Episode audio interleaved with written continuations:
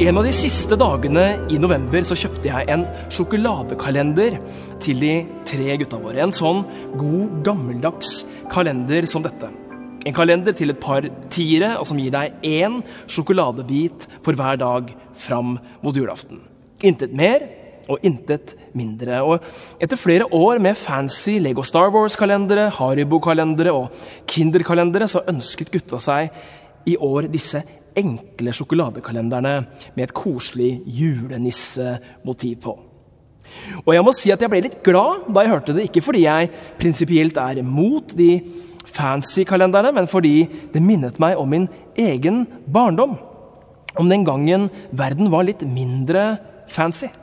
Da en liten sjokoladebit om dagen var nok.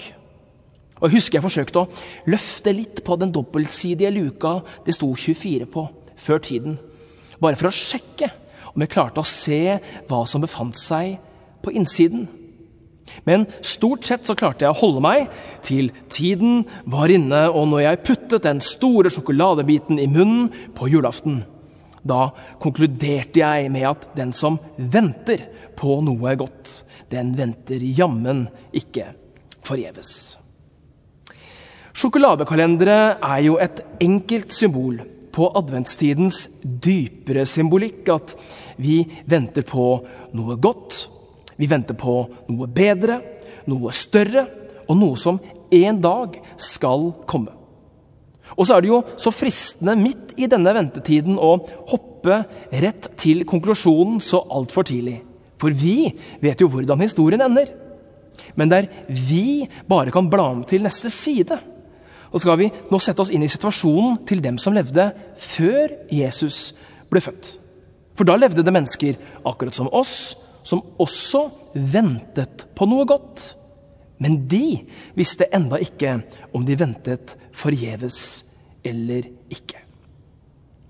400 år gikk mellom Det gamle testamentets siste profet og Jesu fødsel. Perioden blir kalt den stille perioden i jødenes historie. Og Gjennom hele historien fram til da så hadde Gud talt til sitt folk. Han hadde talt gjennom fedre som Abraham, Isak og Jakob. Han hadde vært trofast mot dem som da han ledet dem ut av Egypt. Han hadde gjort mirakler foran øynene deres, som da han delte Rødehavet i to. Og han holdt sitt løfte som da de etter 40 år i ørkenen satte føttene i det landet han hadde lovet dem. Men nå, nå var det stille. Hadde Gud glemt sitt folk? Hadde Gud avgått med pensjon? Hadde Gud gitt opp og utslettet sine løfter med et pennestrøk? Se for deg 400 år uten et ord, uten en profet, uten noen verdens ting. Om det var vanskelig å beholde håpet før, hvordan tror du det var nå? Det gamle testamentets siste bok heter Malaki, og Malaki var en profet som levde omtrent 100 år etter at jødene hadde kommet tilbake fra eksilet i Babylon og hadde påbegynt gjenoppbyggingen av Jerusalem og tempelet. Og nå lå spenningen i lufta. Det var til å ta og føle på, for endelig Endelig var de frie fra utlendighet og undertrykkelse, så nå var det vel den perfekte tiden for Messias sitt komme, da han ville samle sitt rike og bringe fred og rettferdighet til alle. Men det skjedde ikke.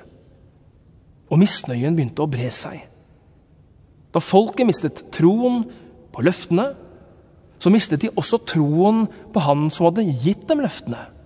Og ondskap og urettferdighet begynte å spre seg. Og midt i dette kom Malaki og minner jødene om at den Gud som startet det hele, også er den Gud som skal fullføre det han har startet. Men etter at Malaki sier dette, så blir det altså stille. Ikke et ord, ikke et profet, ingen verdens ting. Og Det er som å se en film der det mot slutten av filmen går skikkelig bra for heltene, før det plutselig snur til det håpløse. Akkurat i det du tror det endelig var over. Også Guds fortelling er på dette tidspunktet en skikkelig cliffhanger, der folk forsøkte å klamre seg fast med det lille de hadde igjen av krefter og håp. Og det er gjenkjennbart for mange av oss, for ofte føles det som om den som venter på noe godt, så altfor ofte venter forgjeves. Og kanskje du har ventet så lenge at du føler at det snart glipper for deg. At du henger på kanten, og fingrene mister taket én etter én. Kanskje du frykter at håpet glipper. Kanskje du frykter at relasjoner glipper. Kanskje du frykter at troen din glipper. Men hva? Hva om ikke Guds stillhet betyr at han har resignert? For også i Guds drama så blir det skikkelig mørkt før lyset kommer. Israelsfolket hadde blitt vant til å vente, slik jøder verden over fortsatt venter på at Messias skal komme. Og Gjennom bibelhistorien så ser vi absolutt store mirakler. Men mellom miraklene er det en tid av venting. Usikkerhet, stillhet og frustrasjon. Og Det er noe vi hører i salmistens rop i Salme 22. Min Gud, min Gud, hvorfor har du forlatt meg? Selv Jesus siterte denne salmen da han hang på korset, i et øyeblikk da han følte seg forlatt av både Gud og mennesker. Det er få av oss som liker å vente. Og blir vi tvunget til å vente, så sier vi gjerne 'Dette har ikke jeg tid til'. Eller 'Hva er det som tar så lang tid der ute på kjøkkenet?' 'Måtte kokken slakte den kua først, eller?' Hvorfor er det sånn at vi er så utålmodige? Jo, fordi vi forbinder ventetid med bortkastet tid. Om vi hadde tatt med oss den tanken inn i den bibelske fortellingen, så hadde jo alt som skjedde før Jesu fødsel, vært totalt bortkastet. Men ventetiden det var ikke bortkastet. Det var en forberedelsestid. Og alle de hundrevis, ja tusenvis av årene måtte gå for at Guds rette tid skulle komme. Om Abraham, som levde i håpet om det som skulle komme, så står det i Romerne 4. Selv om alt håp var ute, så holdt Abraham fast på håpet og trodde. Og derfor ble han far til mange folkeslag som det var sagt ham, så tallrik skal etten din bli. Han var nesten 100 år, men ble likevel ikke svak i troen da han tenkte på sin egen kraftløse kropp og på Saras døde mors liv. For han var overbevist om at det Gud hadde lovet, hadde han også makt til å gjøre.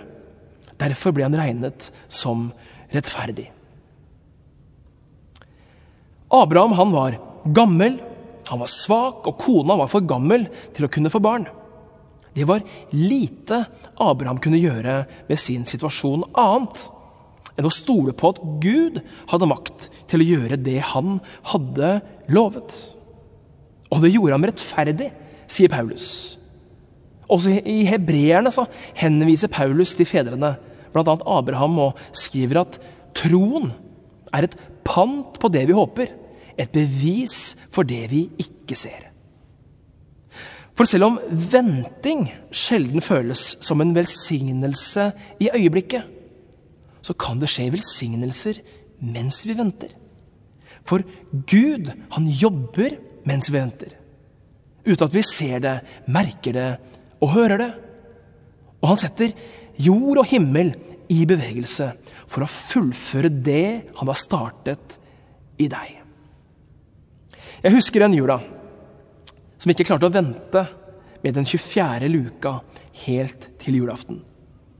Og Nysgjerrigheten tok totalt overhånd, og jeg lirket fingeren mellom den dobbelte luka og vippet den forsiktig opp.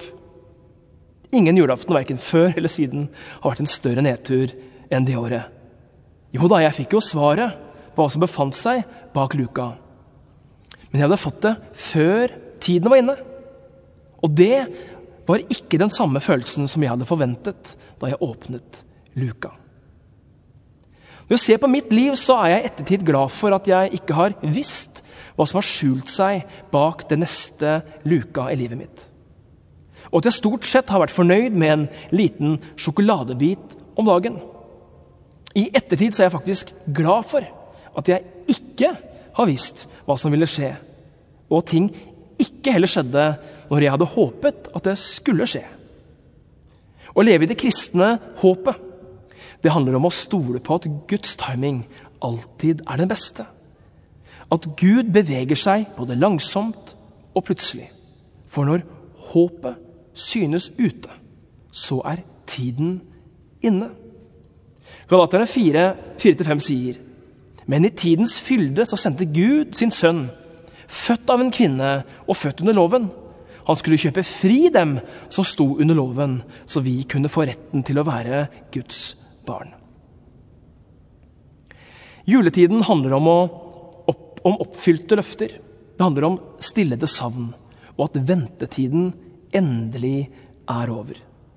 Det skjedde da englesangen skar gjennom stillheten på Betlehemsmarkene, og da lyset jaget bort mørket i menneskehjertene. På rett dag til rett tid og på rett sted ble Jesus født. Og Det er ikke rart at Gud sendte hele det himmelske kor og orkester for å lede lovsangen den natta. For endelig var ventetiden over. Og da, først da, forsto de at den som venter på noe godt, ikke venter forgjeves. Så la oss bruke denne adventstiden til å vente godt. Ikke la oss friste til å bla om til siste side eller åpne den siste luka før tiden er inne. Men forbli ventende på ham som kom, og på ham som har lovet å komme igjen. God adventstid og god